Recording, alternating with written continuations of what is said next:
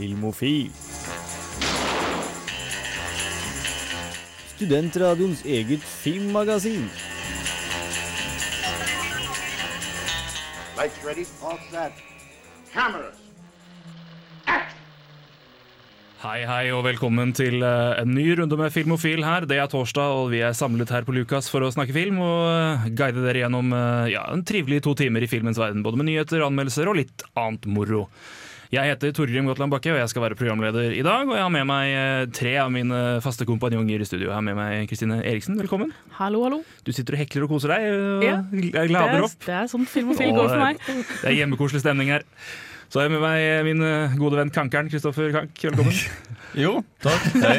Offisielt navn. Det er offisielt. Vi har eh, opp, opplest og vedtatt på vårt årlige møte, holdt jeg på å si. Det er bare tull, men eh, opplest og vedtatt er det i hvert fall.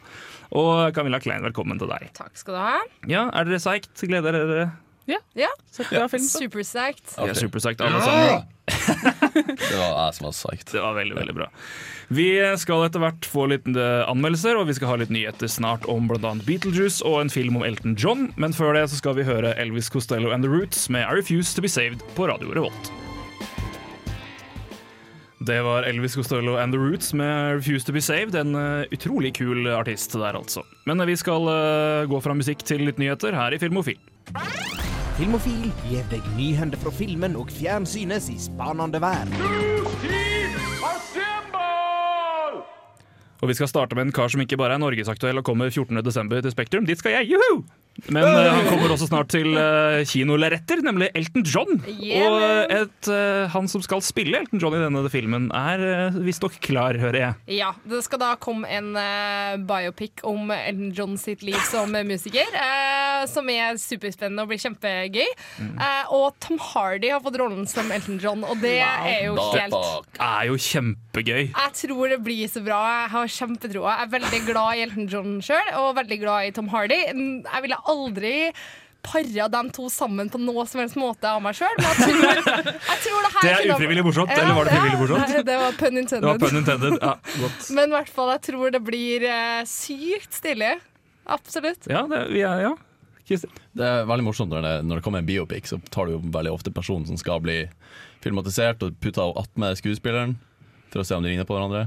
Hverandre. Ja, det var jo veldig, veldig den temaet med Nå husker jeg ikke hva Rush-filmen het. Med, Ja, Ja, de var så like. Som er, var veldig kjent for at det var en ekstrem, utrolig likhet mellom da skuespillerne og karakterene de spiller. Men eh, jeg, vet ikke helt om jeg kan se det for meg med Tom Hardy. Altså. det Altså. er på en måte Tom Hardy er liksom den internasjonale man-crushen for tida. Ja, det, Ja, det, det, Med de tykke, små, smale, sensuelle leppene sine, så, har du, så har du Elton John på sida. Han ser mer ut som en muppet. Og har du ikke sett, Legg merke til at munnen hans er liksom deler virkelig to Ja, ansikter. Han er er helt de konge. er diametralt Han er motsatt i strålende. ansikt. Ja, Nei, men altså, i hvert fall Uh, Filmen skal hete Rocketman, og den vil bli uh, innspilt i 2014. Uh, og den skal da handle Eller den skal følge eh, John fra tidlig, tidlig barndom og tidlig musikalsk karriere til han ble liksom superstar. Da. Så eh, det blir veldig spennende. Veldig kort, Er det noen eh, spesielle hendelser vi vil ha med i filmen? her? Denne biopicen, eh, er det noe man kan komme på? Kommer ut av skapet. Det er jo Ja. det største. Jeg, håper, jeg er veldig spent på den famøse Watford-incidenten. Jeg er kjent. Han er jo stor fan av Watford og eier det nå, men det var, han er jo blant annet, det var en eh, historie om at han ble, ble sendt på sykehus etter en julefest med Watford etter å ha gitt samtlige spillere oralsex på bakrommet og måtte inn og pumpes. Det var, For for- for spermia, så det det- nyheter for meg. Det er en av de beste historiene, sånn mytene fra liksom rockeverdenen. Så jeg tviler på om den dukker opp, men sikkert veldig mye annet bra. Men det er jo veldig sånn klassisk uh, greie med at Elton John sine fester er jo superkjent i Hollywood-bransjen. Det er liksom sånn ah, yeah, we invite Elton John. Så det er liksom sånn alltid greie i andre filmer. Så jeg tenker at det må være noen sånn partyfaktor inni her også. Jeg gleder meg til den filmen der, rett og slett. Og fra Elton John så går vi til eh, ja, sikkert ikke så veldig mye forskjellig når det gjelder eh, ting som skjer bak lukkede dører, men vi skal videre til eh, vår nye Guilty Pleasure her i Filmofil, nemlig Ja. Fifty Shades of Grey. Nå er, eh, er det egentlig en guilty pleasure? For Det, det, er vel, det har vel blitt opplest og vedtatt av Kristine at det er Ja, det. nei, altså det er, det er liksom, for nå er Twilight over, så da må vi ha noe annet å, å gosse oss og elske og hate. Og da er det Fifty Shades of Grey som er lett å, å hate. Eh, og vi, vi fikk jo høre forrige uke at eh, Charlie um, Hannum Hunnam gikk eh, Takk og lov. Nei, nei, altså, det er den ene Tok sin tingen som pisk og kunne gikk. Han reddet seg selv, og Ja. nå har vi fått en ny, eh, en ny eh, da Grey. Og det er selveste Jamie Dornan, som kanskje ikke er like kjent, men han er, spiller blant annet i, um, i Marie Antoinette-filmen. Eh, som jeg, så, jeg likte han ganske bra. Og han, er, han har en rolle i Once Upon a Time-serien, som kanskje flere ser på. Uh, så det, han passer i hvert fall utseendemessig veldig godt til rollen. Tror jeg, da. Ja. Men uh, ja, nei, altså Jeg tror han er akkurat på det nivået av, uh, av kjenthet at han kan ta den rollen her. Og ikke bli så veldig typecasta, men samtidig tenker jeg jo det her er nå hans evige fremtid. Ja, det er jo faktisk det. Men altså, jeg tror det kan bli kult, det. Altså, jeg synes at den, jeg har sett Once Upon a Time, og jeg syns det er ganske fett, så jeg syns at den, at den funker. Det er blitt spennende valg. Beklager, vi har hatt litt styr her nå som vi ikke helt skjønte hva var for noe, men vi, vi hopper, hopper elegant videre. Vi skjønner ikke hva som skjedde. Det er, det er spooky. Det, det nærmer seg halloween. Vi, er, eh, vi blir lurt her inne. Nei, men eh, vi hopper videre til neste nyhet, som er eh, om Beetlejuice.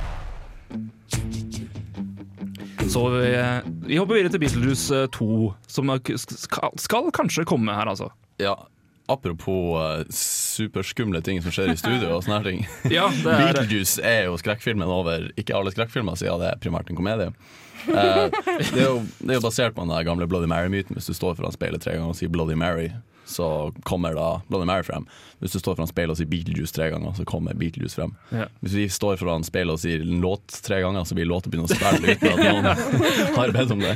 Men ja, den jo, kommer jo fra 1988, regissert av fantastiske Tim Burton. Han var i hvert fall det back in them days. Ja. Og det her er en av de mer fantastiske filmene han har laget.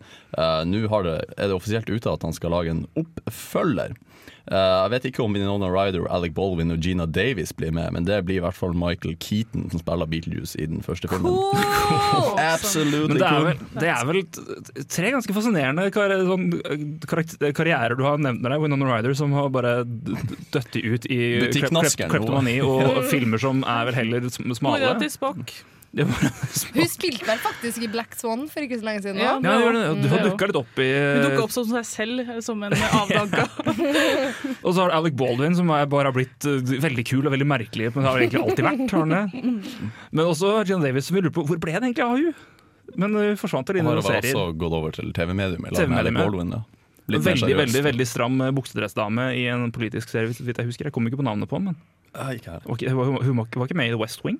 Nei, skal vi se. Samme det når det er som tuller. Men eh, er det noen noe, tids... Uh, dere, konspirasjoner eller noen spekulasjoner på når uh, eventuelle Burton-fans kan vente seg en Beetlejuice 2? Nei, t- t- Tim Burton er fortsatt opptatt med å spille inn filmen Big Eyes, tror jeg det var. En biopic som han skal lage nå. Men når han er ferdigstilt med det prosjektet, så eh, begynner han å jobbe på neste.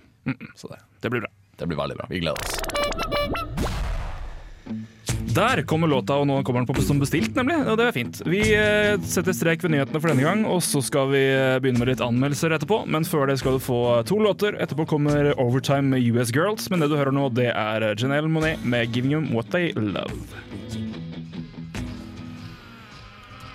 US Girls med Overtime går fortsatt litt i bakgrunnen her, og før det så var det Janelle Monet med 'Giving You What They Love' her på Filmofil på Radio Revolt. Og vi skal bevege oss inn i eh, anmeldelsedelen av eh, programmet, og først ut det er eh, Kristine, du var og så Supervention, som Ja. er en ski- og snowboard-dokumentar. Ja, det stemmer. Det er det mest skifolk, da. Men det er vel bare stengt at én eller to snowboardere. Men de er alle ja, triksige folk, kan du si. Og så du denne som, så du denne som fan, eller hva? Altså, jeg følger ikke sporten når det gjelder verken snowboarding eller triksing eller hva nå det enn er. Så dette her kommer fra et helt eh, ja, non-fan, da, kan du si. Det er en ganske vill plass der, altså. Sjukt mange øde og forlatte bygninger som passer bra å kjøre ski på.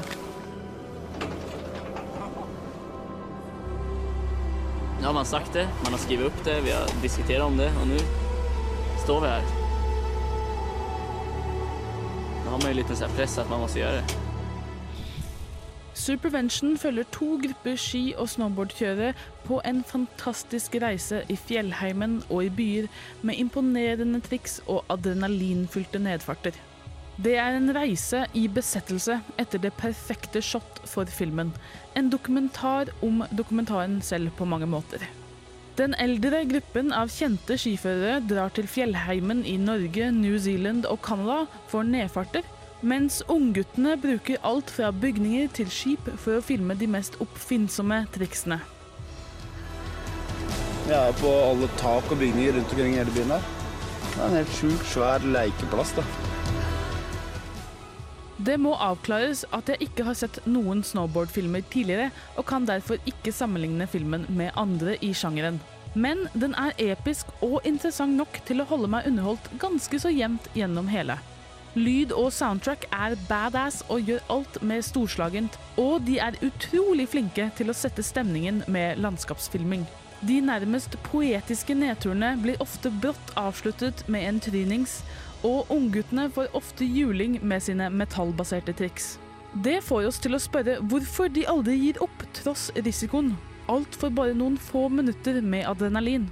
Filmen gir ingen konkrete svar, men hver gang vi får være med på ekstasen etter et velutført stunt, forstår vi dem litt bedre. Vi er på vei til uh, Alaska. You're going to be the first people to ski this area. Yeah. Yeah. Oh, this is sick! Look at this! Holy shit! Mot slutten begynner filmen å bli mer for de som følger sporten. Og jeg innrømmer at noen ganger så jeg mer på naturen rundt enn de som for nedover fjellet. Alle skigutta har GoPro-kameraer på hjelmen, så teknisk sett kan filmen kutte til de når som helst. Men ofte velger filmen å fokusere på stemningen og den uavbrutte episke nedfarten. Noe som mange kanskje syns er stilig, mens andre ville ha foretrukket og blitt med på turen. Supervention er en utrolig vakker reiseskildring og et blikk inn i en besettelse de fleste av oss er fremmed for. For meg holder det nok med en tur til Åre i ny og ne, og trenger jeg mer, kan jeg bare se Supervention en gang til. Terningkast fire. Naomi Pilgrim med No Gun, en låt jeg tipper blir dårlig mottatt på NRA sine konferanser. Men uh, før det så hørte vi anmeldelsen av uh, dokumentaren Supervention. En uh, film som virker som det visuelle st- stiller veldig sterkt, den filmen her.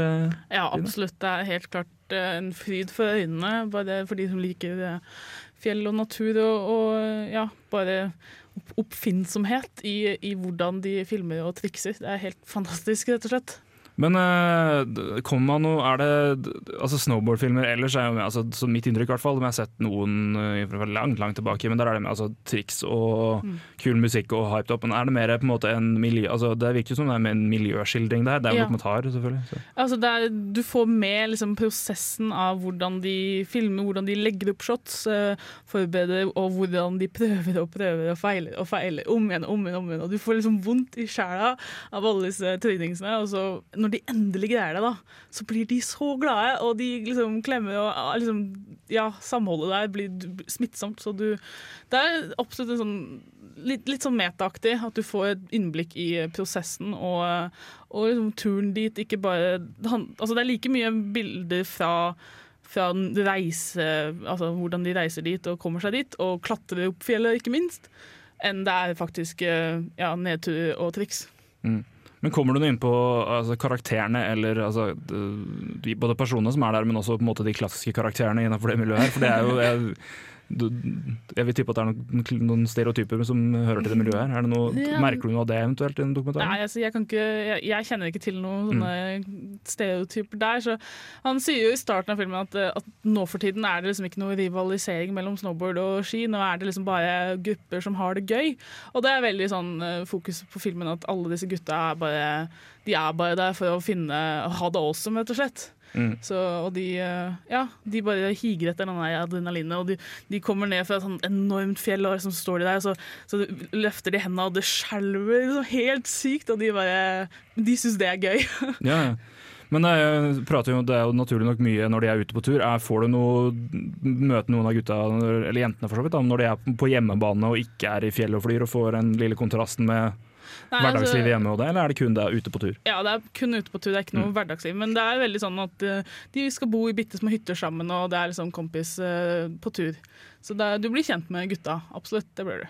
Christer, et, en fråga fra deg? Nei, ikke fråga, men mer sånn ko- kommentar. Jeg syns det er veldig eh, veldig morsomt at eh, vi får nok en eh, bra film til uh, galleriet av norske skifilmer. Mm. Eh, for det er jo faktisk en ganske stor eksport. Ja, det har er jeg nå lært. Ja, vi er jo en stor skinasjon, men vi er også en stor skifilmnasjon som er liksom premissleverandør innenfor sjangeren. Vi har høsta internasjonale priser for liksom beste film tidligere pga. Uh, skifilmene våre. Vi er liksom best i undergrunnen når det gjelder kultureksport. Det er liksom black Ja, metal og er skifilmer. Ja, typisk, typisk sånne ting som en sånn tendens som er veldig sånn her i norske miljø, men vi legger ikke merke til det i Norge. Vi må liksom ut av Norge. Når du reiser ut av Norge sånn Oh yeah, are you listening to black metal and going skiing down big mountains? Nei, jeg gjør ikke det. Nei, men ja, det er liksom mange kjente navn her da, som jeg ikke kjenner i det hele tatt. Som jeg tenker at internasjonale seere nok kommer til å tenke å, digg, han, han er med, liksom. Men Mm. jeg, jeg kjenner dem ikke. Men de er alle ålreite karer, da. Det skal sies. Men en, en underholdende film for de, oss som da ikke er inne i miljøet. Men har du fått inntrykk av at dette blir en, en kjempeklassiker i miljøene sjøl? At det har eh, det potensialet? Det er vanskelig for meg å si, men jeg tror, jeg tror nok den er såpass bra laget. Altså, bare måten de liksom de Altså, musikken passer så utrolig liksom, til det der episke nedfarten, og liksom, de lander, og så kommer så treffer musikken akkurat. Ikke sant? Altså, det er veldig bra konstruert, hele greia. Så jeg vil tro at alle, alle både fans og ikke-fans, vil synes det er en jævlig bra film. Altså. Den anbefales absolutt. Ja. Det er bra.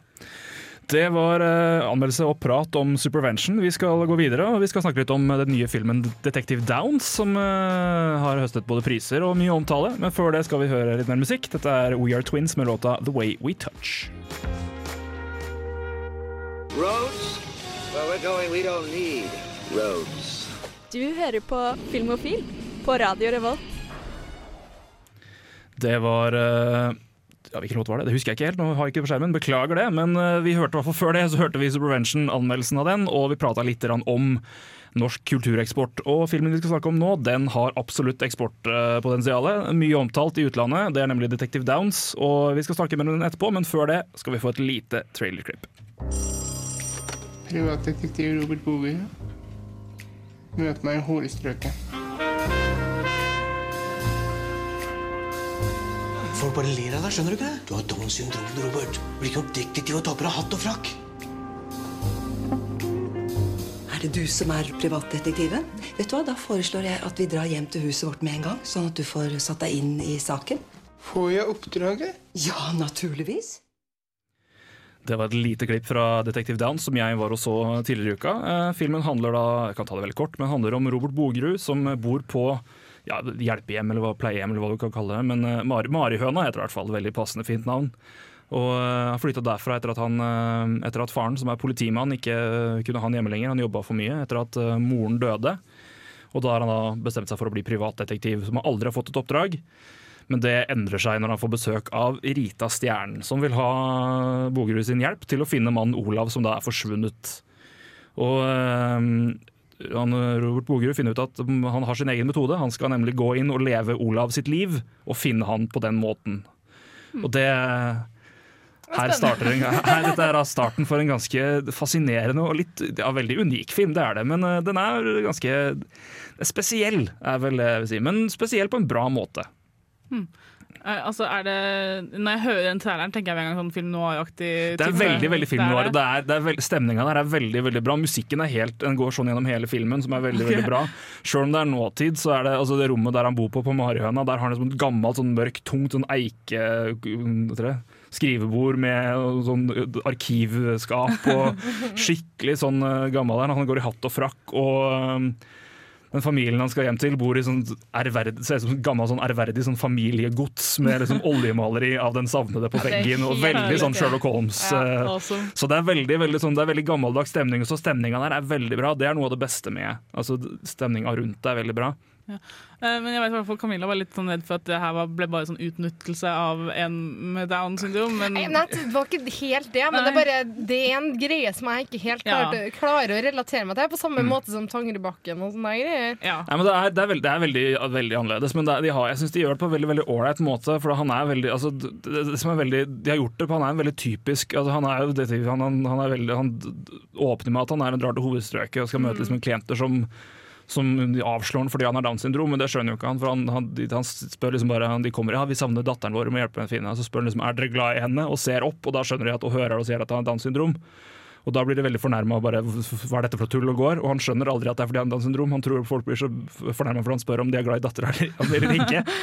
Og samtidig etter det så går han og drikker whisky på strippeklubb. Så han er, liksom, han er veldig, altså det er veldig sånn kontraster på liksom det man forventer der og sånn.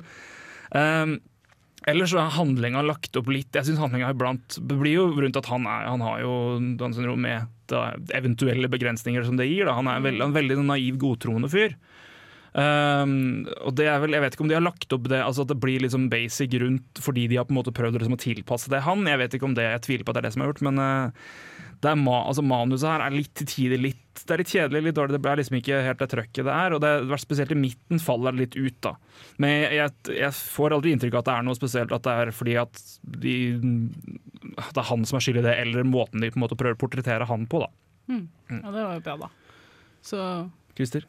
Jeg syns det høres ut som en, eh, en viktig film. Det er litt sånn her, Vi har hatt en diskusjon på bakrommet nå òg, men det er på en måte det her med at det er folk med Downs syndrom i samfunnet vårt. Hvorfor er de ikke på film? Ja, ja. Hva, Og og, det var jo Uno var vel det første som jeg kan huske, med broren til Aksel Hennies karakter. Ja. Men her er det første som er hovedrollen. Og det som er veldig bra, han har jo fått pris, og, sånn, og han er veldig flink. Han gjør en kjempefin jobb, og han er eh, Han klarer å liksom portrettere eh, å være liksom godtroende og, liksom, og, liksom, og sånn, men samtidig, når det på en måte trengs Han har en scene der hvor han er emosjonell, hvor han er kjempebra. Liksom, og samtidig, hvis han da tar altså, han, er, han har timing, han har humor, og han er flink, da. Mm. Men de, de har aldri sånn at du ler måte av han. De har greid å unngå det. Nei, det er mer på en måte situasjoner på en måte han presterer på en måte å havne seg i, eller at han da eventuelt eh, er såpass god tenker på ting og ikke helt får ting med seg. Men det er ikke sånn at du ler av det, det er mer sånn det blir sånn finurlig og litt gøy. Men uh, det er en humor, altså det er jo, som sagt, han går jo da inn i livet til Olav Stjernen. Og han tar det liksom, han setter seg liksom ned ved familiebordet på langbordet og liksom og, ja, ja, skål da, jenta mi til kona. Og første på en måte praten du ser av han med sønnen, som er liksom 30 år forretningsmann, Ja. på rommet sitt, det er at han spør liksom, og prater om damer og forteller liksom den første jeg lå med, hun var prostituert. Og jeg fikk sopp, så du må huske å bruke kondom. Det er, liksom, det er veldig mye der når man tar det liksom så inn, da, og går liksom inn for til kona som er da kjempeirritert, for han er, går liksom han har så spesiell metode og går inn bare 'så deilig du er, Rita', så lenge siden, og på en måte tar over som han er Olav Stjernen som ikke har hatt sex med kona si på kjempelenge. Ja. Men altså, jeg kan, altså, det som er at når jeg først hørte om det her prosjektet, før liksom at det var film og alt sånt, nei, så var jeg veldig sånn Jeg var skeptisk, men jeg var veldig sånn Jeg fikk høre liksom litt av hva de eh, gikk De gikk litt i forsvar, da, og det er veldig det derre et barn tenker jo annerledes enn voksne. Som Mm. naturlig nok så vil også en menneske som har eh, Som lider av dans, eh, tenke på en litt annen måte enn kanskje folk flest. Og derfor kanskje gå inn med et annet og nytt Mm. perspektiv, og derfor også kunne gjøre det ålreit som en detektiv. Ja, det, det, han gjør jo det, for, han, men, for han, er jo, han, er jo, han gjør jo en god jobb, viser det seg etter hvert. da eh, På sin naturligvis, men eh, det er film om, om han. Eh, så, men eh, det er men, Nei, det er veldig Sykt ålreit. bra film hvis det har bare vært helt sykt failure. Ja, bare helt ikke klart noe. Nei, men ja, altså, Det er jo en litt satirisk noir-film. Det, er jo- det er jo sett på det med litt skråblikk, og det, Ja. det passer litt inn med han. For altså, Du kan liksom ikke få det der intense altså, Av naturlig så kan du på en måte ikke få de intense scener hvor på en måte det er løpejaging. Han er, han er litt kort og litt korte ben, så det går ikke så veldig fort når han blir, blir jaga. Og eksempel, biljakt, han kan jo ikke kjøre bil. Og det har jo på en måte også hvor han, han stikker av liksom i familiebilen og skal ut og lete etter folk, og da kjører han midt i veien i feil, feil kjøreretning i så mye andre gir. Så det er liksom sånn, det er, det er liksom De ironiserer mer med sjangeren og det at han er der, enn på en måte sjølve han. Og Mm. det at han faktisk har Downs syndrom. Men eh, Nei, men jeg synes det er, det er en, en viktig film. Få han med dere. Og han, der, eh, hvis dere liker liksom klein humor, sånn som det er, så er den, tror jeg den kan være kjempemorsom. Jeg syns den var veldig veldig ålreit. Eh, Jeg anbefaler den absolutt. Den får en firer av meg. Eh, sterk firer pga. stemninga og, og skuespillerne. Andre skuespillerne gjør en veldig veldig god jobb, men dessverre så er ikke handlinga og manuset sterkt nok, spesielt da i midten hvor det blir litt tynt. Men avslutninga syns jeg var ganske ålreit, så den er absolutt verdt å få med seg. altså. Så jeg anbefales til dere tre og dere der ute. Gå og se Detective Downs. Vi skal videre til uh, nye anmeldelser etterpå, men før det skal vi høre Turnaround med Sassy Beat. Turnaround med Sassy Beat der uh, i Filmofil på Radio Revolt. Og vi skal videre til eh, den siste anmeldelsen for denne, denne uka her, nemlig eh, den, Det gylne buret, som du var også, uh, Kankeren. Det var jeg. Og til disse lune latinamerikanske tonene eh, Som ja, kommer som, som kommer. Som sikkert blir liggende tilbake etter hvert. Så skal jeg snakke om den fantastiske filmen. Nå la jeg liksom føringa for at det var en fantastisk film med en gang. Det var jo punktert i ballongen litt, for jeg tenkte jeg skulle liksom lure det frem litt underveis. Uh, filmen eh, La Juela de Oro, som den heter så fint. Um, den er regissert og manus også skrevet av Diego eh, Cuemda Diez. Tre år med spansk duger altså ikke for å uttale navnet korrekt og på lufta. Men eh, det er en spansk-meksikansk eh, kollaborasjon som handler om eh, tre guatemaliske barn som bestemmer seg for å flykte fra Guatemala eh, for en ny og bedre fremtid i USA. Mm. Et høyst dagsaktuelt og for alltid viktig tema, det her, altså. Absolutt. Og den eh, tar forsvinnende lite for seg på en måte sosiale problemer i Guatemala. Du blir kasta inn i historien. Der da Juan og Sara og Samuel, tre venner, bestemmer seg for bare å dra. Du får ikke vite hvordan, altså Første scene er at Sara står foran speilet og bandasjerer brystene sine inn sånn at hun skal se ut som en gutt for å gjøre på en måte ferden tryggere. Og eh, han, Juan legger noen dollarsedler som han har sparet opp i skoene sine, og så bare legger de ut på ferden. da. Så det er en sånn lang sånn roadtrip som gir ganske sånn klare assosiasjoner til The Road og andre sånn type lavmælte roadtrip-filmer som du egentlig ikke vet hvor kommer til å ende opp, på en måte. Så det er, det er mer reisen enn på en måte sjølve Ja. øh, si, inspirasjonen eller for å komme seg til USA. Det er Ja. mer at de faktisk er på tur, er ikke hvorfor de drar. Det er mye trøing og trasking. Det er veldig en sånn stadig tilbakevendende scene. Det er at de sitter på et tog, på en måte. Eller flere tog, da. Um, så det er på en måte, den er, den er veldig sånn der usensasjonell gjennom hele filmen. Det, det skjer veldig lite. De møter en, en, uh, de møter en Chuck, som er et sotsi-indianer, som ikke snakker et ord spansk. Så I begynnelsen så virka det litt som en sånn ungdoms, uh, ungdomsfilm, på en måte tradisjonell uh, med forelskelse og sjalusi, sånn som det er når det er tre gutter og jenter som er ute på tur. Men i bakgrunnen så ligger et sånn kulturelt bakteppe som gjør at man på en måte det hvert fall vanskelig for meg å identifisere meg med den, den problematikken der. Og problematikk blir det til gangs. Det er en sykt sterk film. Altså Mesteparten av handlinga utspiller seg i Mexico, eh, der det nå er siden 2006 har vært en helt grusom narkokrig. Eh, Etter at militæret gikk inn for noen år siden, så har det vært til 60 000-100 000 sivile dødsfall siden utbruddet. Og det er en strid som vi vet veldig lite om, men de her barna har havna midt i det, og det er human trafficking, og det er helt forferdelige ting som skjer. Så, så ikke bare en, er- den tar opp en del samfunnselementer der, der da, om ikke i Guatemala, holdt jeg på å si. Ja, men den trøkker det på en måte ikke ned i halsen på deg. Den bare på en måte, den, den leverer premisser. Jeg, jeg skal ikke avsløre for mye, men eh, sentrale karakterene av filmen blir på en måte avskrevet, og de forsvinner, og det er på en måte så den er, veldig sånn, den er usensasjonell, men den er også veldig usentimental. De bare pusher videre, og de går, for de skal på en måte nå det her forgitte land. Da. Camilla? Men du sier at, uh, at det er barn som Eller de barna. Hvor gamle er de tre hovedrollene? Det får vi aldri vite Nei, men konkret. cirka, De er, må sånn i sene tenårene, kanskje. Sene tenårene? Ja. Ok, eh, Blir det litt sånn med to gutter og en jente, om det blir litt sånn The Savages-feeling? at uh, she loves them both and Ja. can't get enough of them. Det er mye sånn, misunnelse og sjalusi og litt knuffing og dytting og klining og sånne her ting. Men Det er sånn Hollywood hadde laga den traileren der. Det kunne ha vært sånn voice, da. They're on the run from love. Ja, men det er på en måte Unnskyld. Ja, men det er ikke en amerikansk film på noe som helst vis. Heldigvis, for at amerikanerne blir jo ikke fremstilt i et godt lys. Veldig sånn her, altså Grensekrysninga der er jo ekstremt brutal. Og ja, jeg, har ikke, jeg har ikke lyst til å avsløre for mye, kanskje. Jeg, man må bare se en film der.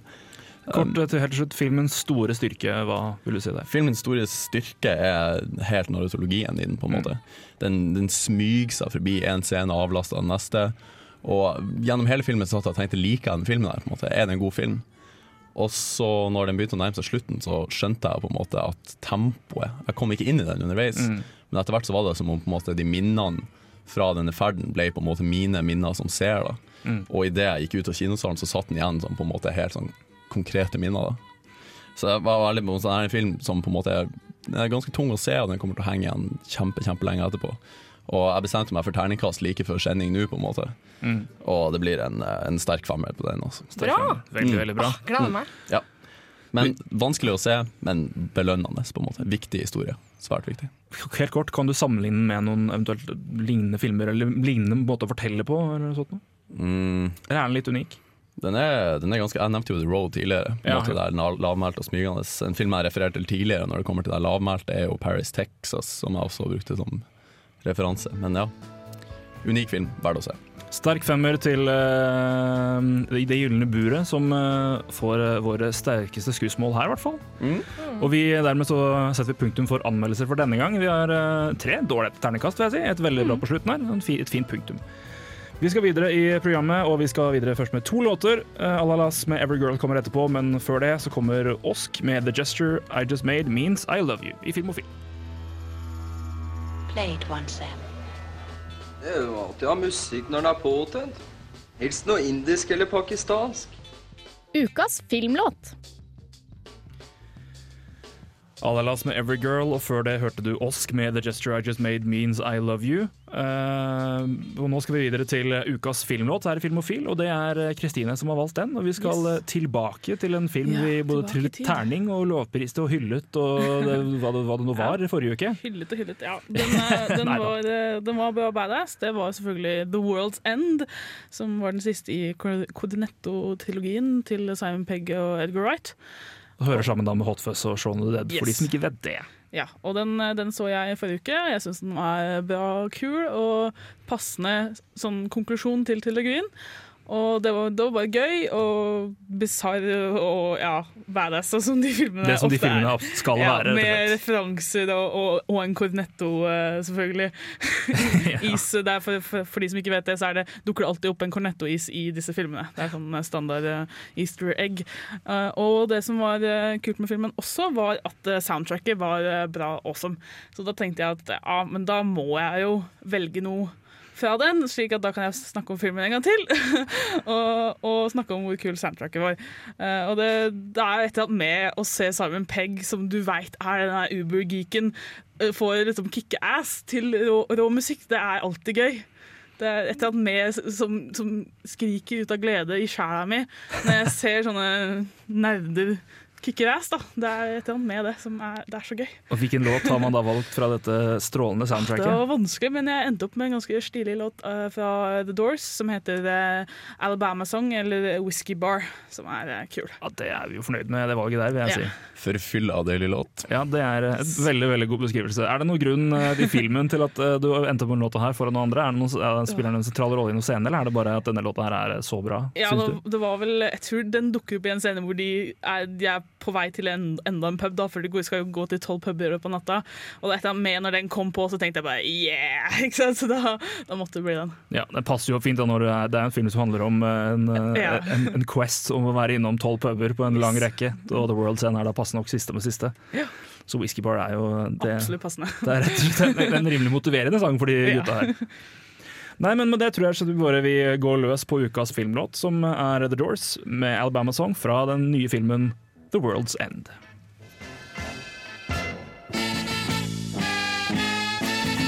Nytt i videohylla. Rykende ferske digitalfilmer som du kan ha i din heim. Og sjelden har vel denne spalten blitt spilt opp bedre enn låt. Whiskey, eller Alabama Song, Whiskey Bar med The Doors. Gud bedre meg verd for en sang! Og, Og vi skal over til eh, Videonytt og DVD-nytt. Og kjære venner, har vi noe vi vil dele med folket? Nei. Ja. Nei. Jeg, Kristine rekker opp jeg vil gjerne dele at Man of Steel har kommet ut, for jeg syns den var awesome. Men det gjør ikke alle. Nei, vet du hva. Nei, ikke, ikke spreng til videohylla og få med dere Man of Steel. For den What? Du, ikke, du får ikke lov å si det. Nei, altså. det er for drøyt, Det er for faktisk. drøyt. Den, er, den, har, den har en, en awesome Lois Lane for en gangs skyld. Den har dritkul, eh, dritkul uh, kul, Russell Crowe, som er morsom i hver eneste scene, selv om han ikke prøver å være det. Jeg bare ler meg halvt forderva hver gang han er på skjermen. Og den er, det er så mye kule scener, og hun der Feora er bare så badass, og jeg digga måten hun slåss på, og bare kickass. Altså. Jeg syns det var så gøy. Gangsterman, du skal få eh, Nei, Jeg vet ikke hvor jeg skal begynne engang. Jeg, gleder meg veldig mye til Man of Steel. Jeg tenkte det kom til å bli awesome. Og det soundtracket der. Jeg lasta det ned før jeg så filmen, for jeg gikk med det på iPhone. For jeg følte meg bare som Man of Steel ute på gata. Men det var også generisk. Jeg gikk gjennom hele filmen og hele momentet, men det var en eneste lang medley. Det var en eneste lang medley, sånn premisslevering, og plutselig så får han en sånn flashback når han ser en skolebuss om at skolebussen farer ut. Det tynn suppe. Jeg vil så, se Watchmen av Zack Snyder på nytt og på nytt og på nytt i istedenfor å se Man of Steel. Det er en Skjerp deg. Delte meninger 120 ganger bedre film. Delte meninger om Man of Steel Altså, fra vårt Watchmen er med bedre, vårt, ja, eh, men ja. Man of Steel var dritkul. Jeg syns at på samme måte som du driver og snakker med of Steel nå, blir sånn som Jens Erik snakka om trans. Som for øvrig kom på kom Som- ut denne uka her. Det skulle jeg fortsette med, som også er ut denne uka. Så, Unnskyld, unnskyld. Men la oss ikke begynne den diskusjonen igjen. Nei, det er farlig. To eh, er filmer Man ikke trenger å se. som tydeligvis ikke trenger å se, ifølge Kankeren. Men uh, delte meninger. To visstnok bra filmer som eh, kan ses av alle interesserte. Tre filmer man heller ikke trenger å fære og leie. Det er trippelbokssetten av Star Wars-trilogien. Fordi Som gis ut på DVD plutselig. Kan man ikke få tak i det på Blu-ray eller noe? det Er det, den gis vel ut for uh, de, de liksom, Star Wars prøver liksom å gjøre sånn Disney-grepet som er liksom du slipper liksom hele tida, men ting er, at det er jo alltid ute. Så det Ja. er ikke noe, noe Og det finnes i bedre kvalitet også, det er ikke noe vits. Ja, nei, det er meningsløst. Eh, En annen ting som slippes ut, er eh, The Exorcist på Blu-ray. Jeg vet ikke om den har blitt sluppet på Blu-ray før. Det skulle være overraska hvis det ikke hadde blitt det, altså, for Mm. den er jo ganske ikonisk. Uh, jeg syns at det er den mest overhypa skrekkfilmen noensinne, fordi den er ikke skummel. Og jeg, jeg Men det er vel noe som ganske mange av de eldre sliter litt med. At de, Jo, men den her liksom her, jeg husker jeg så den med alle, liksom, alle jentene i klassen, ikke sant? og alle skreik, og de var så redde. Og jeg bare satt der What the fuck? Liksom, Kristine må arrestere deg, vi lever i et demokrati. Den er skummel. Alle i klassen syns den er skummel, og ikke du syns den er skummel, da er den skummel. Da. Ja, okay, da. Jeg syns den er skummel. Men filmen som skremte prester over hele USA på 70-tallet, er altså ute på Blu-ray DVD. Vi kan også nevne til slutt at eh, Arne Skouen dominerer release eh, denne uka her. Han, eh, en komplett filmsamling, 'En mann for sin tid' og et portrett er altså ute. Tre filmer, to, en samling og også to tydelige bio, altså dokumentarbiofilmer, nesten. Mm. Mann, den kjente norske regissøren. Og så kan vi se Sofia Coppolas nye film 'The Bling Ring'. ja, den har jeg ment å se. Den. Den virker ganske interessant. Og klysa Daniel Day-Lewis sin eh, film 'The Age of Innocence' sammen med Michelle Pfeiffer og Vianola Ryder. Ah, klassiker. Da var det litt å snakke om denne uka her òg. Det så litt tynt ut først, men eh, jeg tror vi runder av der med det vi har å si fra Release-nytt. Vi skal videre i programmet, og vi skal før, før det eller få litt mer musikk som vanlig. Dette her er Arabella med Arctic Monkeys. Arabella med Arctic Monkeys, eller omvendt, spørs hvordan du vil si det. Men eh, det var i hvert fall låta du hørte. Vi skal nå snakke litt om eh, ja, noe som er et multimedieemne, eller eh, noe som vi ser mer og mer på, i hvert fall. Og, Ja. Noe som jeg ser sykt mye på, i hvert fall. Nemlig YouTube-serier. Vi prater jo mye om film og serier, men YouTube er det kanskje ikke snakka så mye om Ja, før. Og det, det har jeg merka meg, og det syns jeg er utrolig kjipt. Fordi jeg ser så sykt mye på YouTube, og det er så mye sykt, syke talente folk som lager morsomme og interessante og lærerike ting. Så jeg følte at nå må jeg seriøst ta opp det her og anbefale ting. For det, folk må begynne å se på ikke bare sånne teite kattevideoer og musikkvideoer. Folk må se på bra YouTube. Filmofil hjelper deg på YouTube. Ja. Dette er det nye spalten, Yes. engangsspalten. i hvert fall. Eh, og da, da tenkte jeg jeg skulle og slett begynne der jeg begynte på YouTube, og det var med et par karer som til sammen kaller seg for The Vlog eh, Brothers i ett ord. Altså. Og det består av to brødre, Hank og John Green. Han ene er en morsom musiker og driver med masse veldedighetsarbeid, og han andre er en bestselgende forfatter som annet skal snart få en film basert på boka si, som jeg har snakket om før på Filmofil, The Fault in Our Stars. Så disse her allerede er ganske talentfulle folk, og de har da masse serier på YouTube, eh, blant annet da for eksempel eh, de lærerike seriene som heter Crash Course, hvor du kan lære deg historie, kjemi, biologi, eh, litt litteratur og morsomme facts.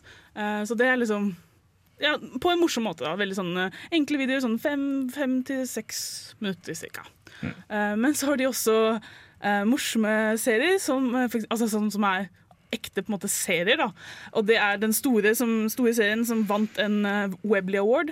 Det er The Lizzie Bennett Diaries, og det er en eh, YouTube-versjon av eh, Pride and Prejudice.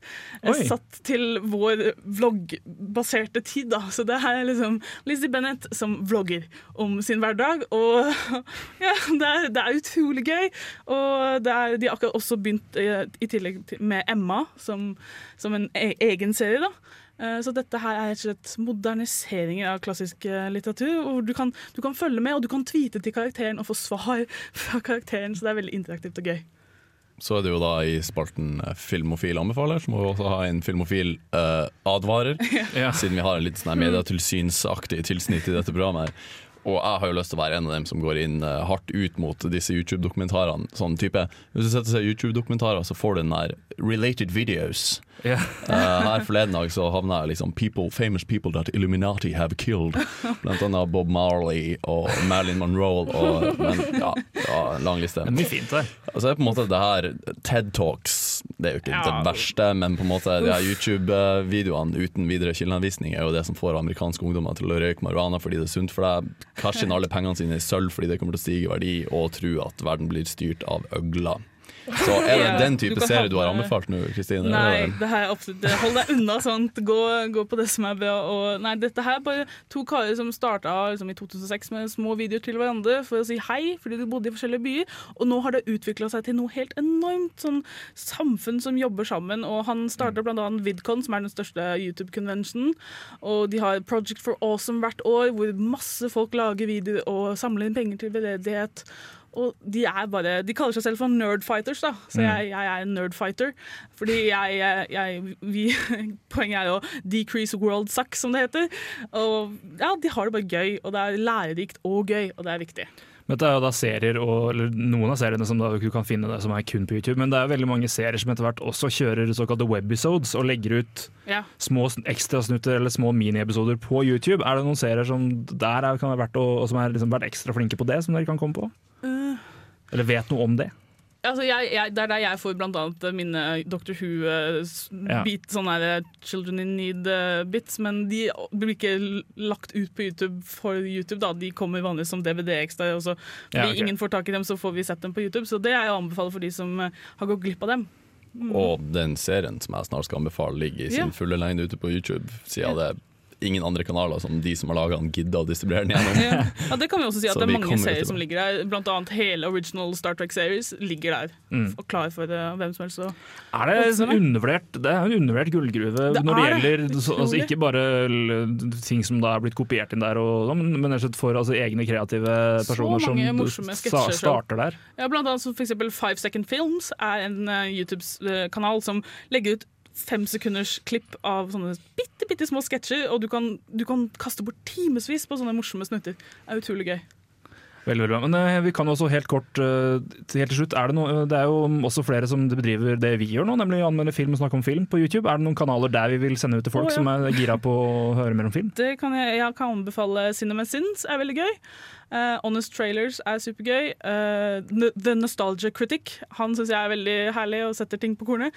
Så det er bare å velge og vrake det. Altså. Og så kommer man alltid over i disse related videospaltene. Sånne her supermorsomme top ten-kåringer Ja. over beste filmdøder og dårligste filmskurker og alt. Så det. Jeg må si, eh, en, en av mine favorittfilmting på YouTube er Jeg husker ikke om det er 10 minutes eller om det er 100, men det er The Best Movie Insults of All Time. Ja, den er Den er fantastisk, den anbefaler jeg på det sterkeste. Og Det får være siste ord om YouTube for denne gang på Filmofil. Vi skal eh, snart prate mer om serier som kan finnes på YouTube, men før det skal vi ha litt mer musikk. Vi begynner med Soon Kill Moon med Richard Ramirez Died Today of Natural Causes. Hei! Hei! Det er ikke 90s sitcom-flashback. Ta og Skru på noe annet. Ja, bedre, men prøv igjen. Der, ja! Ahem. Filmofil presenterer ukas serie. I'm Garth Marenghi, author, dreamweaver, visionary, plus actor. You are about to enter the world of my imagination. You are entering my dark place. Det er introen til eh, ukas serie som, eh, som Christer har valgt. Og det at vi står omtrent dette, fikk jeg veldig sånn eh, 80s eh, barne-TV hero-serie-intro-feeling her. Damn right you did. Damn right I did. Og det vi hører er introen til hva, Christer? Det er introen til eh, den herlige, kuriøse serien eh, Garth Marengis Dark Place. Det ja, det er ikke, eh, ikke, ikke gayporn. Sorry, det var Hashtag no game. Hashtag no gay. Hashtag no ja, Nei, det er ikke det. Det er ikke det. Det er Vi snakka litt om YouTube-serier i sted. Dette er en serie Jeg aner ikke hvor du kan finne den, bortsett fra på YouTube. Uh, den, det, er en, det er en film som tar for seg denne fiktive skrekkfilm, nei, skrekkforfatteren Garth Marenghi.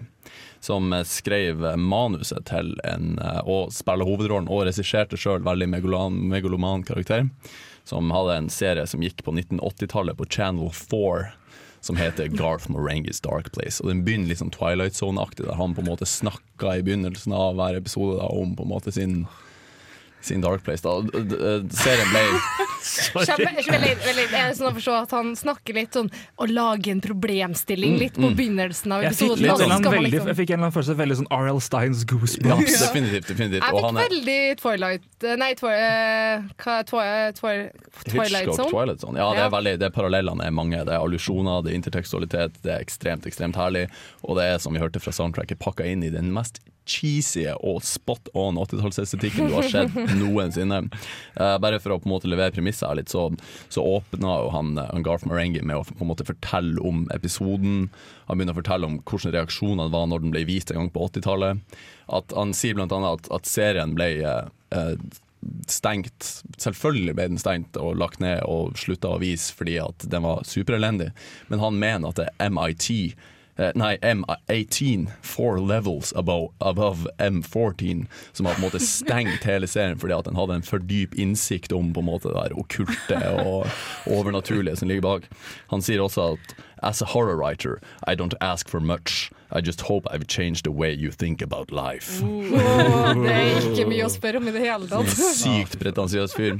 I begynnelsen av soundtracket så hørte vi også den eh, gamle, autentiske Channel 4-jinglen. da Som på en måte logoen. Alt det er kjempeautentisk. da. Snakk litt Veldig, veldig gøy. Er det, er det sånn for oss, eller for de som eventuelt husker de type seriene og den type Er det, på en måte litt ekstra gøy da, eller er det, eller er det som noe alle kan, på en måte en humor alle kan ta, og referanser som flesteparten tar? Jeg tror det, det, er så, altså, det er på en måte der cheesy 80-tallsparodien er så påfallende at hvis du ikke kjenner til på en måte konseptet, så blir du kjent med det i løpet av serien. Jeg kan fortelle litt hva serien handler om. Den, eh, det tar for seg et sånn eh, britisk sykehus som er bygd oppå selvete, selveste helvetesporten. da Noe Oi. som åpner for at det selvfølgelig skjer veldig mye freaky ting, og det er masse sånne forskjellige rom rundt på sykehuset som er hjemsøkt av forskjellige onde ånder. Nede i kjelleren så er på en måte Det skjer mye dritt rundt omkring. Eh, Og så er det en sånn metaserie, da. Så den ligger og jobber på to forskjellige plan. Han Richard uh, Iowade, jeg vet ikke helt hvordan man uttaler navnet der, Uh, som spiller Og han er med, ja. Men, Ja. Og det, han er kjempemorsom. Han er kjempemorsom. Richard Iowady, tror jeg. Eller dette vet sikkert du. Som er Eh, nei, faktisk ikke. Nei. Jeg vet bare at det er IT Crowd. eh, britisk, britisk veldig veldig morsom komiker. Mm. Ja, det er han Litt, Richard litt Noel Fielding-type av humor. Ja, og det er sånn typisk veldig sånn britisk internhumor. Det er han Richard Iowady og han Matthew Holness som, har, som også spiller to hovedroller i serien. da Henholdsvis Garth Marenghi, uh, som også spiller r- Dr. eh, åh, Dr. Rick Daglis heter han. Så treffende. Eh, de på en måte er også, i tillegg til å være hovedkarakterene, henholdsvis doktor og overlege på dette sykehuset, så er de også på en måte forfatteren Garth Marenghi og utgiveren hans. da Så det er sånn to serier Så Underveis i serien så, så diskuterer de liksom hvor genial han Garth Marenghi er. Og på en måte Så Han jobber på to plan. Det er på en måte det retrospektive 2004-looken på hvordan den her 1980-serien utvikla seg, og hvorfor den ble skrinlagt, og hvor potent den er. Og alt det der Og det er på en måte Det er, en veldig sånn, det er jo en sånn innsidejoke i Channel 4 der de bare lager en parodi på sine egne, sine egne konsepter. Han, han, øh, øh, ah, han Matt, Matt Berry, han kjenner jo du til fra før, Kristine, gjør du ikke det? Mm. Morsom komiker, britisk, med den innsidejoke-gjengen der.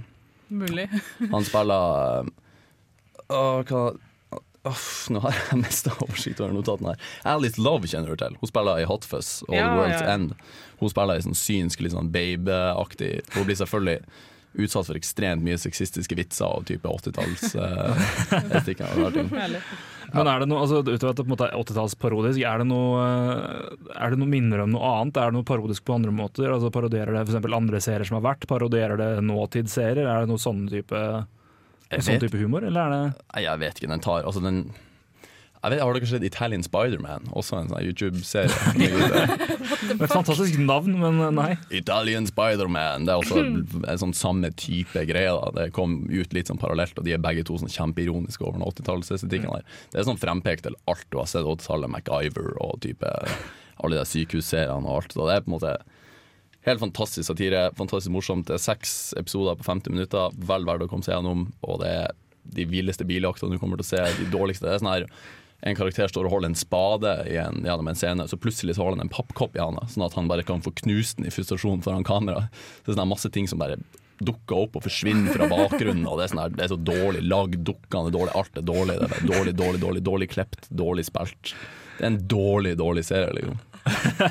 Som er fantastisk. Som er fantastisk. Fantastisk. Gå på YouTube, søk opp Garth Marengis Dark Place. Det er uh, vår eller Kristers anbefaling i ukas serie. Vi skal etter hvert uh, gå videre Vi går videre nå, faktisk, med Dent May med sangen Let Them Talk i Filmofil. Dent May med Let Them Talk, og vi skal uh, over og introdusere et litt eh, ny spalte her i Filmofil, faktisk. Noe vi har kalt Yay! Innovativ folk, noe nytt! Yay! Går det an? Og vi har kalt denne spalten Hjemmelekse.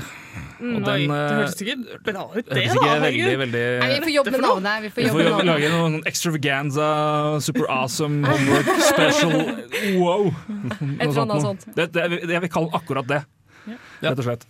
Men, nei, men hjemmelekse er altså det vi har kalt det her. Og det det går ut på, det er at vi skal da framover, om vi gjør det hver uke eller ikke, det er vi ikke sikre på, men vi skal gi hverandre Én skal velge ut én film. Vi skal alle se den. Du må gjerne, dere som hører på, må gjerne se, se den dere også. Send inn hva dere syns eh, om filmen til oss på Facebook. Så skal vi diskutere. Forhåpentligvis engasjert Ja, og ild, ildrende engasjert disk, altså, diskusjon om, om de filmene her. Og eh, ja, hva, Hvorfor har vi valgt det her, folkens? Ja, fordi det er en gøy måte å få sett filmer som man vanligvis ikke ville ha sett, og snakke om dem, og det tror jeg er veldig gøy. Vi er veldig flinke her i studio til å snakke sammen om 'Å, den må du se, den må du se!' Og så blir det aldri noe av. Mens Nettopp. når man faktisk eh, putter hjemmeleksa på agendaen, så må det gjøres. Hvis ikke får man eh, smekk på pung. Ja. Og Kankeren, eh, som er Filmofils eh, smartfilmprofil her i, eh, Ja. i programmet, han kommer til å smyge inn de seigeste, kjipeste, smaleste filmene dere har sett. Og jeg gleder meg veldig. Da har jeg det er liksom- det som blir Da hjemmelekse. liksom- Da har jeg liksom en grunn til å åpne rødvinsflaske på mandag. Liksom. Det, det er bra. Nei, men Vi har prata litt om litt forskjellige filmer, for vi skal jo begynne nå, da. Eh, og det vi har kom på og oppdaga, er jo at neste uke så er det jo halloween. Sja. Og da er det jo en, en sjanger som passer bra til det, nemlig romcom. Nei da. Eh, det er For noen skrekk... det- Ja, rom, romcom passer alltid. Men eh, skrekkfilm, eh, det var det vi skulle snakke om, selvfølgelig. Eh, noe noen av oss er veldig glad i, andre er ikke så glad i det. Er det her en hjemlekse du gleder deg til? Veldig, veldig, veldig. Jeg er ikke glad i Jeg skrekkfilm syns i det ikke hele du ser entusiastisk ut. Jeg er rett og slett ikke spesielt glad i skrekkfilm. Jeg, Litt sånn kaldklam, ja, vet jeg, du. jeg, klam, jeg er klam i ja, hendene nå, rett og slett. men det allerede. Ja, men jeg, jeg, jeg er så lite glad i å skvette. Jeg syns det er helt jævlig å skvette. Jeg syns det er helt forferdelig. Eh, og det er sånn, og jeg, word, kan, nei, word. altså, det er sånn, jeg kan se sånn helt sinnssykt makabre ting og tenke liksom ah, det, var ikke, altså, det er jo ille, men det er ikke sånn at jeg blir freaka ut av det visuelt. Men Nei. sånn hvor er morderen-ting, og sånn freaky shit, og sånn, der, sånn hvor du på en måte vet at det kommer et eller annet klimaks her, det kommer en eller annen sånn Hå! Men jeg aner ikke når, og jeg, jeg, jeg hater den build-upen. Jeg klarer det ikke. Jeg syns den build-upen ikke er det verste. Jeg er ikke noe spesielt glad i skrekkfilm sjøl, men for meg så er det egentlig altså Det å se litt sånn makabre greier av og til er greit, men når, i skrekkfilm så er det ofte sånn helt sykt unødvendig makabert, hvis du skjønner hva jeg mener. Sånn, det, sånn sa Det er ikke unødvendig, for det er det som er poenget. Nei, nei, nei. så synes jeg er ålreit. sånn, hele dere Nei, du syns det er ålreit? Nei, for det syns Så jeg den første så er bra. Den første var syns- kjempebra, for da har du faktisk da er det, det, mind, da er det mindfuck. Det er ikke sånn Ja, å, det handler om det Det, det, psykologiske. Ja, det men- fucker om det ja, psykologiske. men- det liker jeg kjempegodt. Ja, nei, det kan, og det liker du, men Ja, det er jo OK, så du er glad i The Shining og sånn der, da? Ja, ja, ja. Okay, greit. Det er jo en av mine verste. The Shining. Du hater den? Jeg hater den. Eller jeg elsker den. Jeg har sett den ti ganger. Men jeg Ja. skvatt like mye hver Nei, men det verste jeg har sett, og det her, det her, det her var skal si at en katt har sp- spiller en god birolle i den historien her, men det skal jeg ta med. Men jeg så eh, et ubesvart anrop, kine- en japansk eh, Den er, den er ja. Som er hvor, det da er, ja, hvor du får hvis du blir oppringt med en spesiell ringetone, så kommer du til å dø. Det er liksom greia. Men ikke bare det, du hører din egen død som en telefonmelding. altså Ja. melding. Men den her så jeg noen kamerater på videregående en gang, og jeg er sånn Jeg er ikke Jeg hater å skvette. Og det her er sånn skvette- sånn skvettefilm. Og spesielt på slutten, hvor det da vi sitter jeg er hjemme hos en kamerat av meg hvor da hans kattunge har vært alene i huset i to dager og er skikkelig sånn hypergæren. Og bestemmer seg da for på slutten av filmen hvor det på en måte er verst, så skal han sitte liksom ved siden av sofaen og se opp. Og jeg satt helt på enden, og hver gang jeg fikk øyekontakt med den katten, her, så vidt, så vidt fikk fordi det var bekmørkt, da hoppa han opp. Herregud. Og jeg skvatt jo så jævlig av det, i tillegg til at jeg skvatt av filmen. Så jeg var sånn der, Skvatta Skvatt du så mye at du skvatta litt på deg sjøl? Ja, det gjorde jeg ikke, men det var liksom det, kom, filmen kombinert med en sånn skikkelig hyperkatt som, som skal hoppe Det var helt gjerne, Men det, det er sånn, jeg, jeg, jeg klarer ikke jeg, Null, null glede og skvette. Jeg syns det er helt jævlig. Vi, Du skjelver nå. brukte- Ja, men jeg, jeg, blir sånn, jeg blir så oppspilt nå. Jeg, jeg må se det her. Og jeg, jeg, jeg vil liksom prøve å bryte ut det, men jeg, jeg klarer det ikke. Forskjellen på deg og meg er at vi gikk rundt og brukte det som ringetone på våre egne telefoner i godt et år What etter vi så den filmen. Du, det er noe som feiler deg, Kristine. Du er det. Det er derfor jeg skal gi hjemmelekse. Ja, men, jeg sånn, jeg, men jeg har liksom aldri fått liksom mareritt av sånne skrekkfilmer. Gladiator derimot freaka meg ut da jeg så den jeg var liten. For da tenkte jeg, men Det var fordi at oi, det her har faktisk skjedd. Det er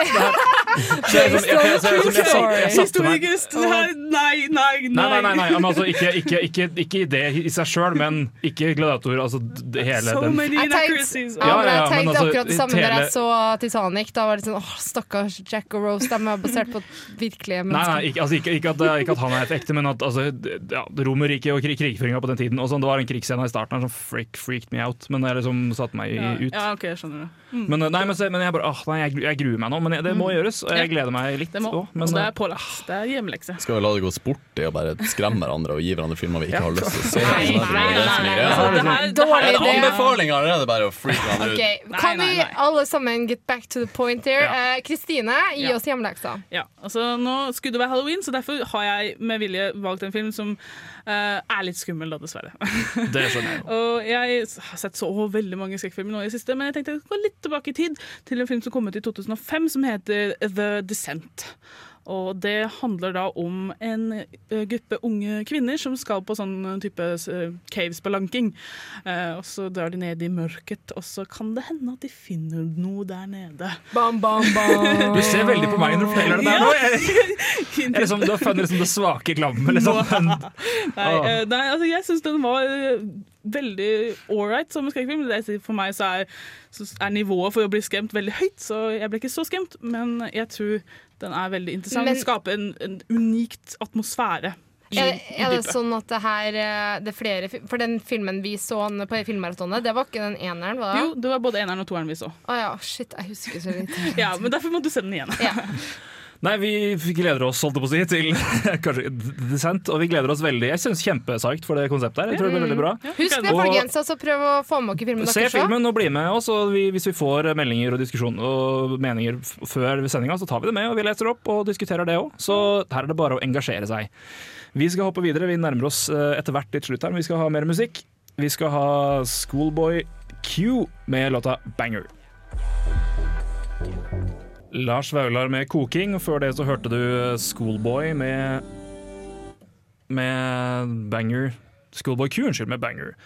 Vi må begynne å runde av her eh, snart. Vi har eh, nådd eh, This Is The End, som vi ikke hørte i stad med Doors, men eh, det er en fin sang, det òg. Vi kan jo gå gjennom litt det vi prata om i dag. Vi gikk gjennom nyheter, og det jeg fikk meg ut der, eh, var at Tom Hardy skal spille Elton John. Yeah, man! Jeg har, eh, som sikkert hans mor sa tilsvarende tid han sa at han var homofil, jeg har ennå ikke kommet over det. Eh, Jeg ser det ikke helt for meg. Jeg, jeg, jeg, vet ikke om, jeg vet ikke om hun sa det, men jeg ser i hvert fall det nå. Du ser ikke for deg at Elton John er homofil? Nei, nei, nei, nei, nei, nei, det ser jeg veldig fint for meg, men at, Tom Hardy skal spille Elton Ja, John ja, ja, det kommer ikke.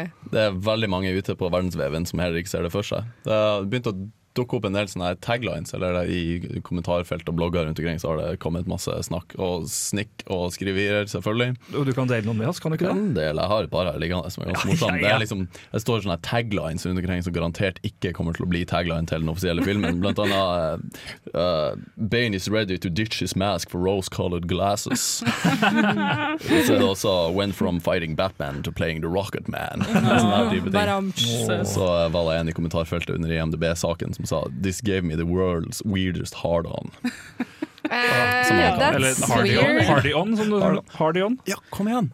Hiv deg med på mølla og ut og kommenter.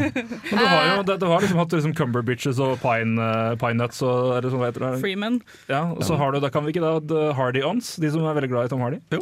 Vi har nok sitt eget navn allerede. Det er sikkert. Jeg kan jo også nevnt det her når at jeg sa selve nyheten, men uh, Elton John skal være med som uh, produsent. Sånn at uh, han er veldig fornøyd med castingen av Tom Hardy. altså. Selvfølgelig det. Men vi må videre. Vi har snakka litt om anmeldelser, og uh, de vi anmeldte først, det var uh, Supervention. Supervention. Og den fikk en, eh, jo, den fikk en, eh, en sterk firer. Veldig sterk firer, ja. Ja. Absolutt. Verdt Veldig å få med seg, selv om man ikke er eh, s snøhue. Ja, den er veldig og vakker og fin å se. Snøhue. Fant på det her og da. Ja. Uh, jeg så Detective Downs og ga den en, også en god firer. En veldig veldig eh, ålreit opplevelse. Veldig veldig annerledes film. eh, utover, altså, også utover det at han har hovedpersonen har Downs syndrom. Han gjør spiller for så vidt en, gjør en veldig veldig god jobb, men dessverre så er historien litt tynn iblant. Og du så Det gylne bur. La jaula de oro. Ja. Si Meksikansk film. La jaula de oro. La jaula de oro. Ja. Må det sies med sånn aksent òg? Ja, det må det. Litt sånn. ja. ja. Sterk film. Sterk femmer. Som film, film som er vanskelig å gi terningkast fordi den er så Ja, den smyger seg inn på det, men jeg kan ikke gi noen annen sterk femmer. Fær å se den. rett og slett.